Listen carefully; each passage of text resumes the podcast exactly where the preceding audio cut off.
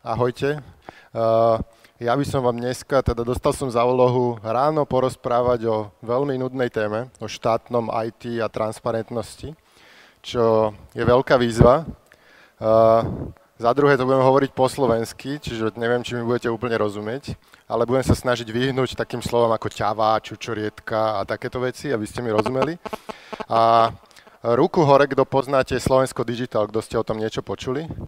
A ruku dole teraz tí, čo ste to počuli skôr ako, alebo takto, že ruku hore tí, čo ste počuli aj pred Creative Mornings o tom.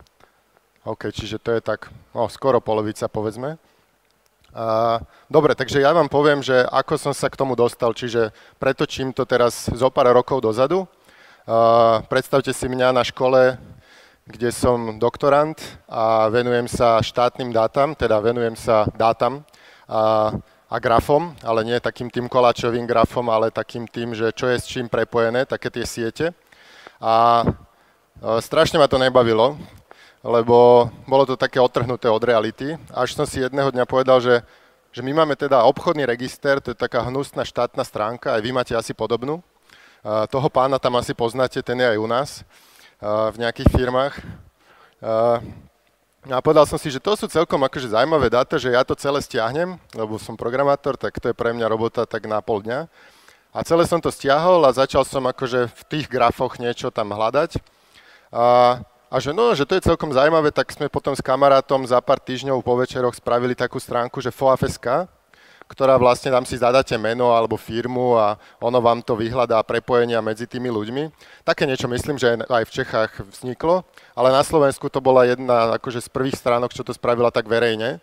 A bolo z toho také dosť veľké halo, lebo všelijaké prepojenia odrazu boli úplne viditeľné. Čiže napríklad, ja viem, že tieto mená vám nič nehovoria, tak ja vám poviem, že kto to je. Že Fedor Flašík je u nás bývalý marketingový mák najsilnejšej politickej strany a ten prvý dole, Martin Glvač, ten blízky človek, podľa nejakého algoritmu vypočítaný, že oni majú spolu nejaké firmy, sedeli tam, tak to je náš bývalý minister obrany.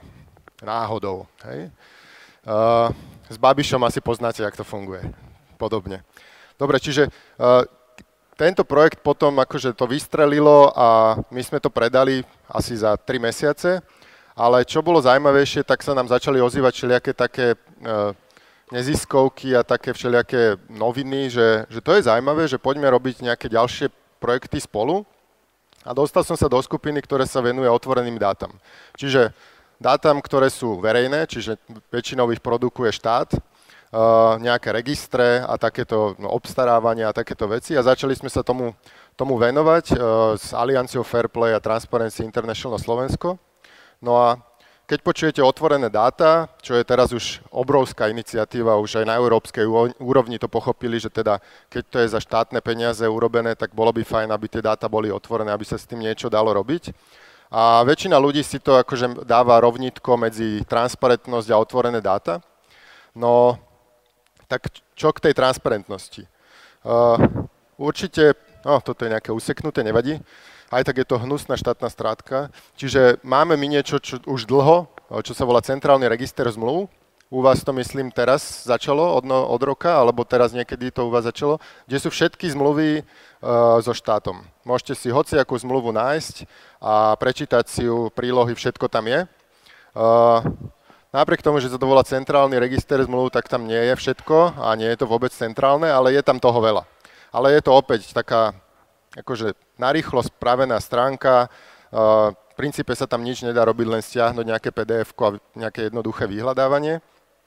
A my sme spravili to isté, čo som spravil s FOAFom, že my sme tie dáta stiahli a urobili sme takú aplikáciu s Alianciou Fairplay, ktorá sa volá, že otvorené, otvorené zmluvy, kde ste si mohli komentovať tie zmluvy, mohli ste si tam oveľa lepšie vyhľadávať, Uh, mohli ste si tam pozerať tú zmluvu bez toho, aby ste vôbec stiahovali nejaké pdf 5 megové. A toto bol opäť jeden z takých projektov, ktoré akože transparentnili niečo. No a poviete si, že to je super, že veď akože otvorené dáta, že to je celé dobré, tak poďme všetko otvárať. No ale poviem vám teraz zo pár príbehov, kde, kde sme mali problém s otvorenými dátami. Napríklad uh, také srandy, že v týchto zmluvách sú niektoré zmluvy s osobnými údajmi a oni bežne, keď si to vypýtate od ministerstva alebo od úradu, tak oni vám to začiernia fixkou že rodné číslo alebo bankové spojenie alebo, alebo adresu, no vám začierňa fixkou. No ale tu je to elektronicky, čiže oni to musia začierňovať nejak ináč. No a sú tam šikuli, šikulky, ktoré to začierňujú tak, že zoberú, označia ten text a dajú, že čierne pozadie. No a keďže my tie texty odtiaľ vyťahujeme, tak to moc nefunguje. A tam sú teda rodné čísla a, a takéto všelijaké veci, čiže to sme museli riešiť. Ale to sú v princípe také srandy, že najväč, zistíte rodné číslo najväčšieho podnikateľa na Slovensku. Uh, ale to není nič akože hrozné. Horšie prípady sa nám stali napríklad na tom FOAFSK, že my sme okrem toho obchodného registra sme začali ťahať nejaké ďalšie dáta, napríklad, že kto dlží na daniach, alebo kto nezaplatil sociálne poisťovni, alebo kto nezaplatil e, zdravotnej poisťovni. A začali sme tie dáta prepájať. No a zistili sme, že odrazu sa nám začali akože množiť také maily od všelijakých firiem právnických, že poškodenie dobrého mena a takéto všelijaké výhražky. A my sme tomu nerozumeli, lebo veď my sme zobrali štátne dáta a spojili ich s inými štátnymi dátami, že tak čo my s tým môžeme? No a zistila sa taká vec, že že ten štát uh, zverejní síce tie dáta v nejakom xml na nejakej obskúrnej svojej stránke, čo je v princípe ekvivalent nástenky niekde v pivnici, ale my sme to vyťahli na svetlo a keď si človek tam dal svoju firmu a mu to vyletelo v Google na druhý odkaz a videl tam, že je dlžník, tak už sa mu to prestalo páčiť. No ale čo bolo horšie, bolo to, že ten štát si nedal robotu a tie dáta boli zlé. Hej, čiže my sme to zobrali tak, jak to bolo, ale tie dlhy boli naozaj zle, že zlé, že sociálna poisťovňa zverejnila zoznam dlžníkov a to nebola pravda. Hej?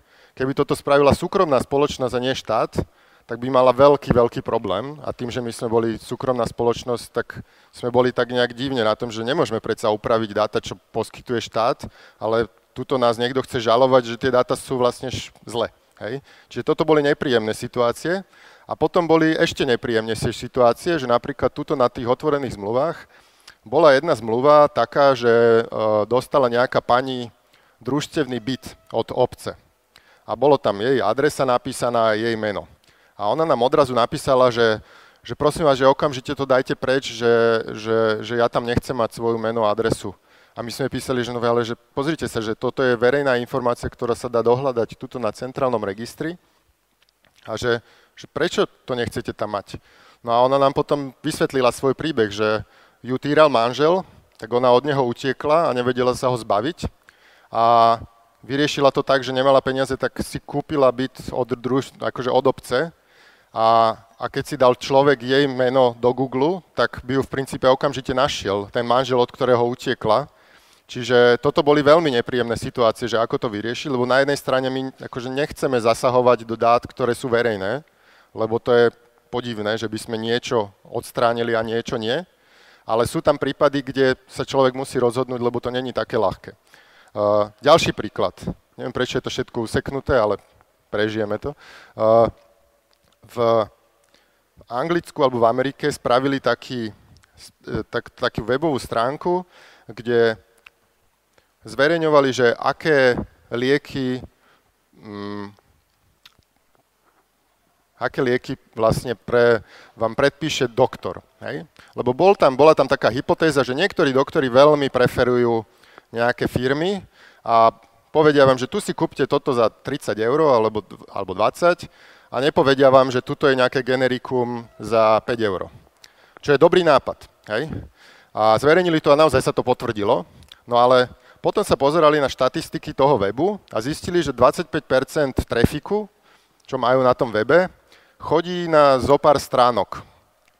A tých zopár stránok boli lieky, ktoré sú také, že majú povedzme, že vedlejšie účinky a sú veľmi vyhľadávané istou skupinou ľudí. A oni si tam našli uh, doktorov, ktorí nemali problém to predpísať.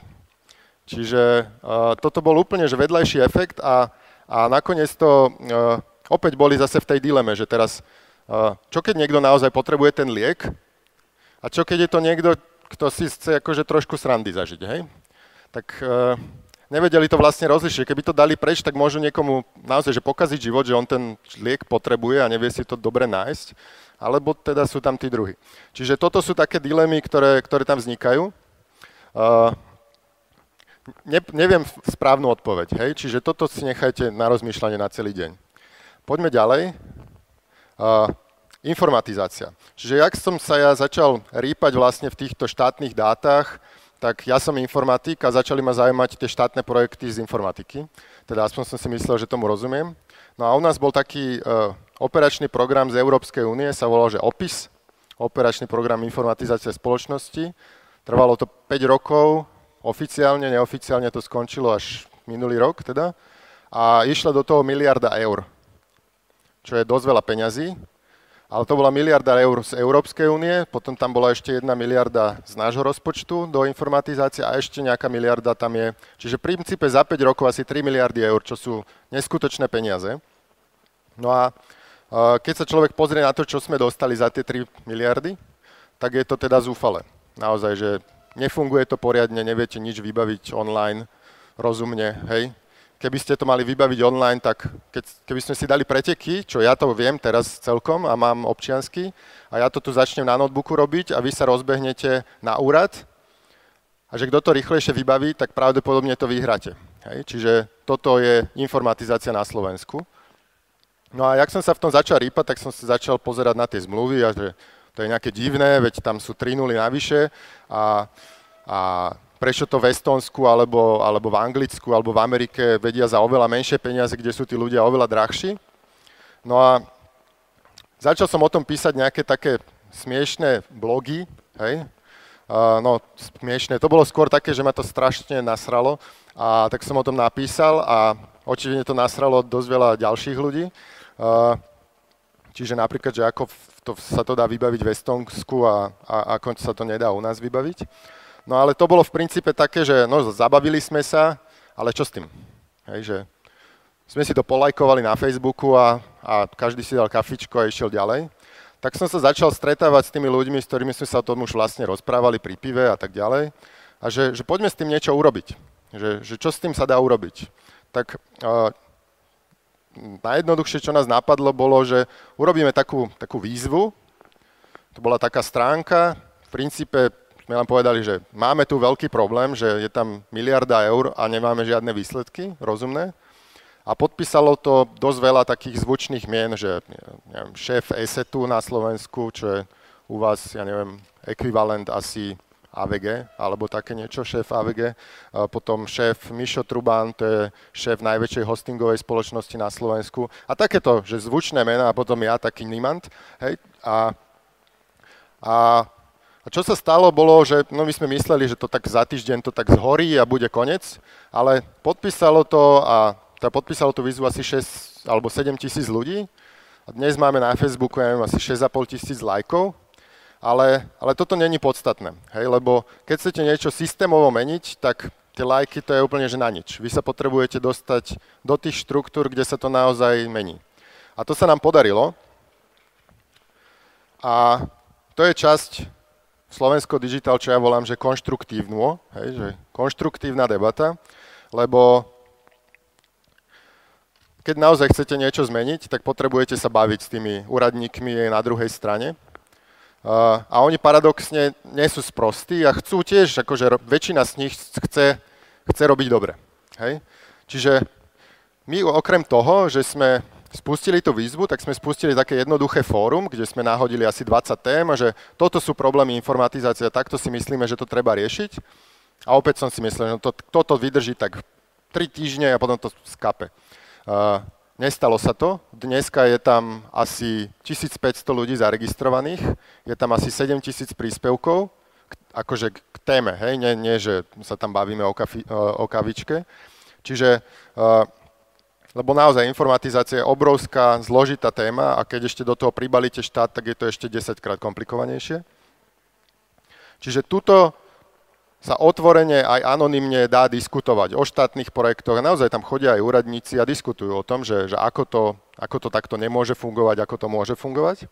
A z tohoto vypadlo asi 20 opatrení takých, čo treba presadiť v štáte, aby sa to vôbec mohlo posunúť niekde do lepšieho stavu. Ale teraz, aby ste chápali ten kontext, tak uh, opis skončil, čiže tá miliarda to už nikto nezachráni, ale teraz začína nový operačný program, kde je skoro ďalšia miliarda eur a to už by bolo teda fajn, aby sa to nezopakovalo. Čiže my robíme všetko preto, aby sa to nezopakovalo.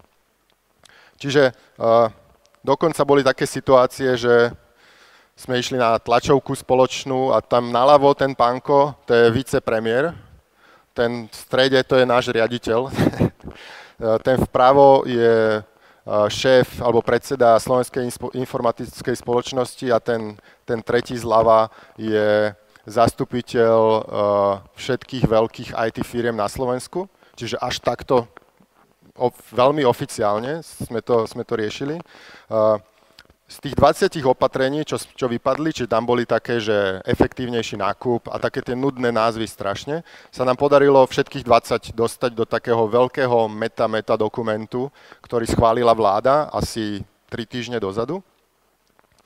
Uh, ale tak ja som programátor a mne keď niekto povie, že tak teraz tu budeme 3 mesiace riešiť nejaký dokument, tak mne sa zježia všetky vlasy a ja, že no tak toto nie, že my to ideme rovno urobiť, hej. A tak som sme začali programovať, že, že teda my rovno chceme aj ukázať, že ako to má vyzerať a že to nemá stať miliardu ani milión, ale že sa to dá proste o troch chlapoch niekedy urobiť. No a začali sme zbierať tie dáta a ukazovať, že ako chceme, aby sa zverejňovali tie dáta. Čiže to bol prvý krok. A začali sme nad tým budovať nejaké služby, Čiže máme tam jednu službu, ktorá sa volá, že Autoform, tá funguje tak, že zadáte meno firmy a stlačíte Enter a ono vám to všetko vypluje o tej firme. Čiže keď máte nejaký fakturačný software alebo kontaktný formulár na webe, tak si to tam pichnete a vypíše vám to všetko. Čiže to, čo štát už dlhé roky nevie a vy musíte chodiť s hen takým potvrdením, že hento ste a hen tam a takúto máte adresu, tak tu toto viete hneď. A ďalšia vec je taká špeciálna, tam viete robiť nejaké analýzy nad tými dátami, že keď už ich tam máme. Čo nás prekvapilo je, že, že na to, jak je to veľmi špecifická vec, to používa priamo štát, čiže jeden z prvých zákazníkov našich je priamo štát a, používa to Inštitút finančnej politiky, čo je v princípe asi najsilnejší uh, inštitút u nás, čo robí analýzy ako sa budú robiť regulácie a politiky a, a kde treba šetriť a kde nie, čiže oni to používajú.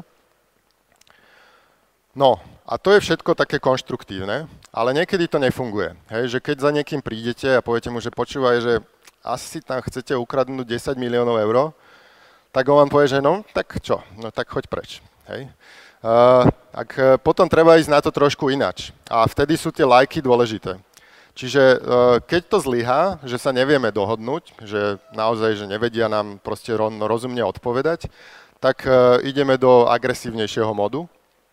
A začneme robiť také, že začneme písať z Alianciou Fairplay nejaké blogy, že my si vypýtame všetky dokumenty k nejakému projektu, čiže od obstarávania cez e, štúdie uskutočniteľnosti až po e, neviem, akceptačné protokoly alebo, alebo detailnú funkčnú špecifikáciu, čo sú tak akože 200-300 stranové dokumenty niekedy.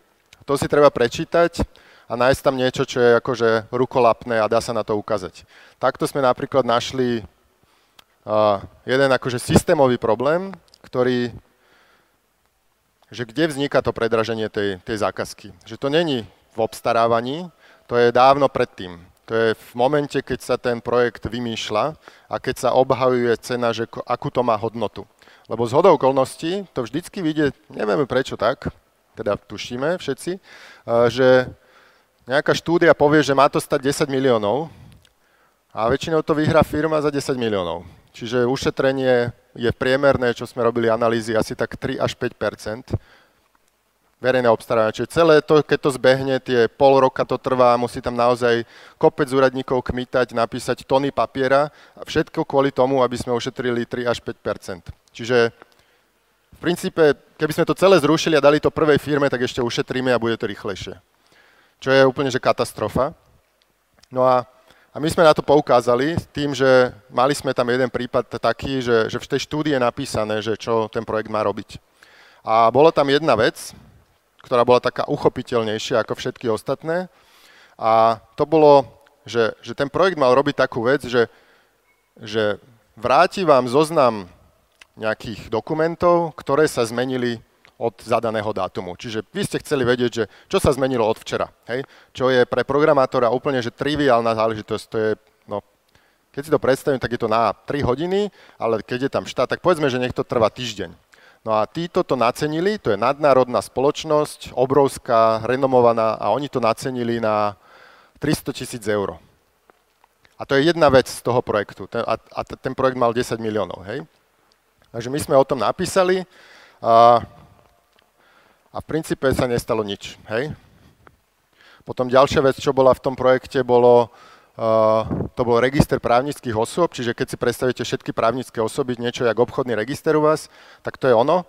No a to má asi tak, keď to celé zoberete úplne, tak to má asi 5 GB tá databáza a oni nakúpili hardware za, a, a software za, za stovky tisíc uh, ročne. Hej? Čiže tam za licencie sa platí asi pol milióna eur ročne kvôli 5 gigom databázu. Hej? Čiže to sú úplne absurdné, absurdné veci. Hej? Tých 5 giga mám tuto na notebooku, to mám v, v batohu. Hej? Aj s ďalšími 5 štátnymi registrami. To sa nechválim, to je naozaj pravda. Mám to tuto. Hej? Môžem vám to potom ukázať. Čiže uh, to sú veľmi divné veci. A, a niekedy to zafunguje, niekedy to nezafunguje. A napríklad teraz predčerom sme pustili takú stránku, kde kde tá naozaj, že tá arogancia tej druhej strany je, je tak, tak veľká, že, že sme museli urobiť niečo výnimočné, tak sme im venovali jeden mikrosite. Uh, a je to projekt, ktorý sa volá že Edunet. Je to uh, internet do škôl za 80 miliónov eur. Čiže my máme niekoľko tisíc škôl na, Slo- na Slovensku a oni sa rozhodli, že ideme im všetkým obstarať centrálne internet čo je asi taký vynikajúci nápad, ako keby ste chceli do všetkých jedální na Slovensku jedného dodávateľa. Hej, tak to asi veľmi neušetríte.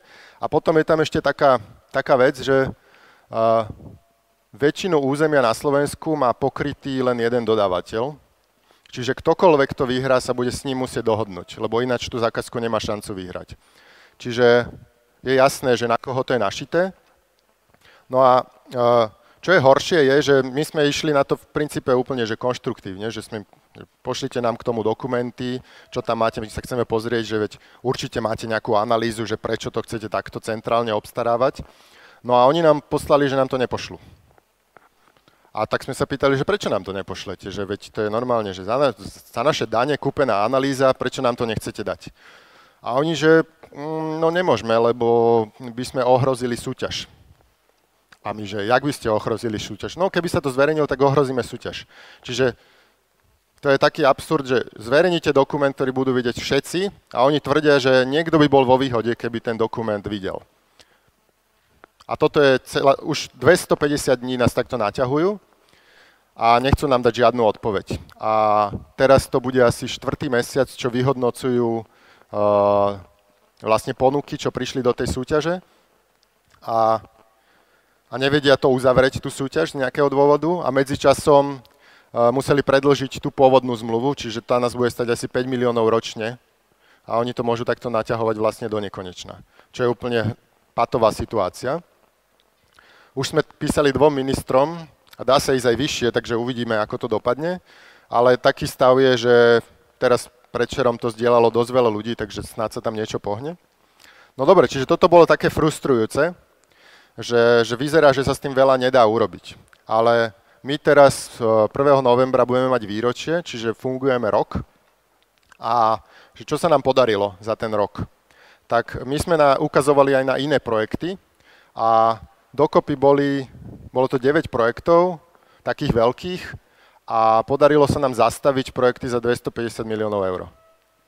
Čiže teda takto, že nehovorím, že sme to boli iba my, ale my sme ukazovali na tie projekty a tie sa buď úplne zrušili, alebo sa výrazne prehodnocujú teraz. Uh, neviem, či si to viete predstaviť, tak ja som to dal do českých korún. Uh, ale počul som, že keď si robíte do zmenárne niekde na hlavnom námestí, tak to môže byť polovica. Takže je to také, no. Je to... Dobre, ale, ale v princípe toto nie je tým, čím by som sa rád chválil. Lebo, lebo uh, toto je niečo, že, že v princípe len taká deštrukcia. Hej, že, že to, že sa to nevyčerpalo teraz tých 250 miliónov, tak to neznamená, že sa to nevyčerpá o pol roka. preto je dôležitejšia tá časť, ktorú vôbec nevidno. A to je hrozná nevýhoda vlastne toho, čo my robíme, že, že v princípe tieto veci, čo sú také strašne viditeľné, negatívne, tak uh, to je, keď to mám na čas zobrať, tak to nám zabera možno 5% našej reálnej práce, čo robíme. Hej, čiže my naozaj, že väčšinu času robíme programovanie, chodíme na tie úrady, snažíme sa tam nájsť ľudí, ktorí naozaj chcú, hej, lebo akože môžeme sa byť do nekonečna s nejakým úradom, ale keď tam nájdeme na inom úrade niekoho, kto chce, tak je to oveľa efektívnejšie sa s ním baviť. Čiže uh, toto je oveľa dôležitejšia časť, hej, že, že tie systémové zmeny presadzovať No a ten výsledok je taký, že za ten rok sa nám podarilo dostať do, uh, do Rady pre digitalizáciu verejnej správy, čo je ten jeden z vysokých orgánov, ktorý vlastne rozhoduje. Že máme tam člena. Uh, máme, jeden z našich zakladateľov je priamo poradca uh, generálnej riaditeľky novej informatizácie pre Slovensko. Čo sa nám ešte podarilo? To je asi všetko, čo sa nám podarilo. A, a teda ten metadokument je extrémne veľký, tak tá sa nám podarilo dostať tých 20 opatrení, tých systémových, ktoré vznikli tak, že my sme vlastne k tomu pôvodnému dokumentu dali pripomienky z tej našej platformy, z toho fóra a podpísalo to ako hromadnú pripomienku asi 2000 ľudí, čo je čo keď si zoberiete, je dosť veľa, lebo informatizácia špeciálne informatizácia štátnej správy je akože najdundnejšia a najkomplikovanejšia vec, ako si asi viete predstaviť informatici. A, a to, že to podpísalo 2000 ľudí a mám 6,5 tisíc lajkov na Facebooku je síce asi trikrát menej ako jedna zmrzlináreň v Bratislave, ale je to stále akože obrovské číslo, že sa to vôbec o nieko, niekto sa o to zaujíma. A vyzerá, že, že teraz ten nový úrad, čo vznikol na Slovensku, taký ten centrálny, čo to má zastrešovať, tak s ním máme veľmi dobré vzťahy čiže tam sa dajú veci meniť. Hej, čiže tam, keby to nešlo, tak to je problém uh, väčší. Takže uh, toto je tá oficiálna časť. Uh, môžeme teraz nejakú voľnú debatu dať, potom keď vypnú kamery, môžeme dať oveľa voľnejšiu debatu, lebo ja viem veľa vecí, ktoré nemôžem hovoriť verejne. Uh, bohužiaľ, zatiaľ, uh, by som sa mohol ohroziť, ale môžeme, keď máte nejaké otázky, hoci aké, k tomuto, k transparentnosti, lebo ja mám tie projekty s otvorenými dátami alebo niečo k tomuto. Uh, odporúčam vám niečo veľmi podobné spustiť v Čechách. Uh, my na tej platforme vlastne všetko otvorene komunikujeme, hej, čiže uh, všetko, čo ide od nás, takže s týmto niekedy úrady majú dokonca problém, že my sme až tak otvorení, že oni s tým majú problém. Uh, lebo akákoľvek stretnutie s nami končí tým, že my to pleskneme na to fórum. Hej, čiže ale zase niektorí úradníci, ktorí chcú veci meniť, tak to robia aj naopak, že oni to plesknú na to fórum a potom už ten dodávateľ mu tam ne, ne, nepovýmyšľa všelijaké veci, ktoré oni nechcú, lebo už je to tam verejne. Čiže, čiže toto akože extrémne dobre funguje na to, jak som si myslel, že to skape po troch týždňoch. Takže ďakujem zatiaľ a môžeme potom diskusiu.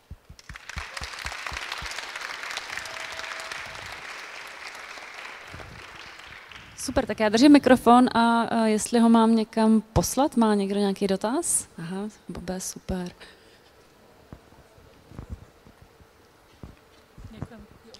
Uh, ďakujem. Myslím, že ešte sa vám podarili tie voľby zo zahraničia. Áno, áno. Tie sa vám ako mimoriadne podarili. A chcela som sa ale spýtať, uh, jak sa díváš na také tie iniciatívy, jak má napríklad Wilder, to nepracujeme pre štát? Aha, no, uh,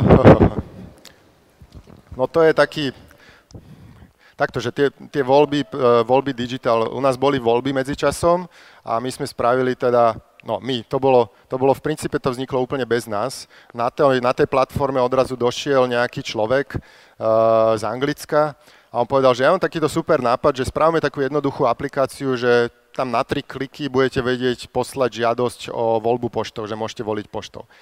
V princípe úplná blbosť, ja keď som to prvýkrát videl, tak som si povedal, že to, to, to je úplná hovadina, to nerobme, ale dopadlo to tak, že cez tú aplikáciu požiadalo o voličský preukaz a voľbu poštou asi 30 tisíc ľudí, ak si správne spomínam. Čiže, čo není veľa oproti tomu, koľko je Slovakov v zahraničí, ale bolo to, ten výsledok, keď sme pozerali, tak, tak, sa, tak to vzrástlo, myslím, že dvojnásobne oproti voľbám predtým. Čiže, čiže to bolo celkom fajn. A to vzniklo ako úplne, že tam zo pár programátorov si na to sadlo, že, že ten angličan, tam prišiel, ten Slovak v Anglicku prišiel, že takýto mám nápad, ale že ja neviem vôbec programovať. A hneď tam prišlo 20 programátorov, že tak poďme to spraviť a naozaj, že za pár večerov to spravili. A, a bolo tam potom také vtipné historky, že my sme vlastne potrebovali overovať e-mailové adresy obcí, tak ja som poslal e-mail na 30, 3000 obcí na Slovensku, že, že nech nám potvrdia, že, že, že je to ten e-mail a že tuto kliknite a že to sa overí samo, nemusíte nám písať. A polovica z nich mi napísala. Takže ja som mal dosť plný inbox vtedy. Eh, čiže toto to bolo, ale, ale akože ten výsledok bol fajn, lebo v princípe tam sa krásne ukázalo to, že ako štát veľmi nechápe tú použiteľnosť a user experience, jak sa to teraz volá, uh, toho, že, že keď si ten proces bol úplne rovnaký cez tú našu aplikáciu aj cez, cez ten štátny, tú štátnu stránku, ale na tej štátnej stránke, keď ste došli, že chcete voliť do zahraničia, tak to bol akože 3 km textu, hej, napísaného.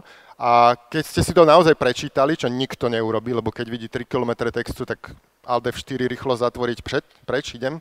Uh, ale keď ste to naozaj prečítali, tak to bolo jednoduché, lebo vy ste vyplnili formulár, kde bolo, že áno, volám sa Jano Suchal, bývam tuto na Pupovej 31 a pošlite mi to na túto adresu. To je celé. A poslali ste to e-mailom. Hej? A štát nejakým spôsobom to dokázal vygenerovať takýto dokument k tomuto. A my sme nič neurobili, len sme to spravili na 5 klikov. Hej? Čiže toto, toto dobre zafungovalo. A tá, tá iniciatíva, že, že nepracujeme pre štát od Wildera, že ako sa k tomu stávame, no to je akože filozofická debata, že že uh, jedno, jedno krídlo hovorí, že, že štát treba vyhľadovať tým, že nebudem pre ňoho pracovať, lebo sú to mafiáni, zlodeji a ja neviem, a také všelijaké prirovnania. A druhé krídlo hovorí, že, že, že poďme akože nerobiť revolúciu, ale poďme akože postupne ten štát meniť. Hej? Uh, s Wilderom sa shodnem v tom, že, že ten cieľ má byť podľa mňa rovnaký, že, že ten štát má byť čo najmenší, ak ak má vôbec existovať, ale má byť čo najmenší a čo najmenej stať v ceste tomu človeku a, a čo najmenej stať peňazí hej, a byť efektívny. Ale, ale nemyslím si, že tá Wilderová cesta je úplne ten, ten ale tak není tu Wilder, asi by nesúhlasil, ale, ale ja, to, ja to vnímam tak, že, že, že revolúcie sú väčšinou krvavé a nedopadá to dobre a a toto trvá naozaj strašne dlho. Hej, že, že naozaj, že keď chcete niečo v štáte zmeniť, tak to je ako keby som začal tlačiť do tohto stĺpu, tak to bude dosť dlho trvať, kým sa to pohne. Hej, čiže tam je to komplikované a, a trvá to dlho, ale dá sa to zmeniť. Hej, čiže uh, ja som bol tiež presne ten negativistický pred rokom, že, tako, že s týmto sa nedá vôbec, ale že absolútne nič urobiť. A po roku teraz vidím, že, že dajú sa veci aj akože naozaj že systémové zmeniť. Hej, čiže, čiže presvedčilo ma to, až ma to desí, že, že verím odrazu tomu, že to môže fungovať.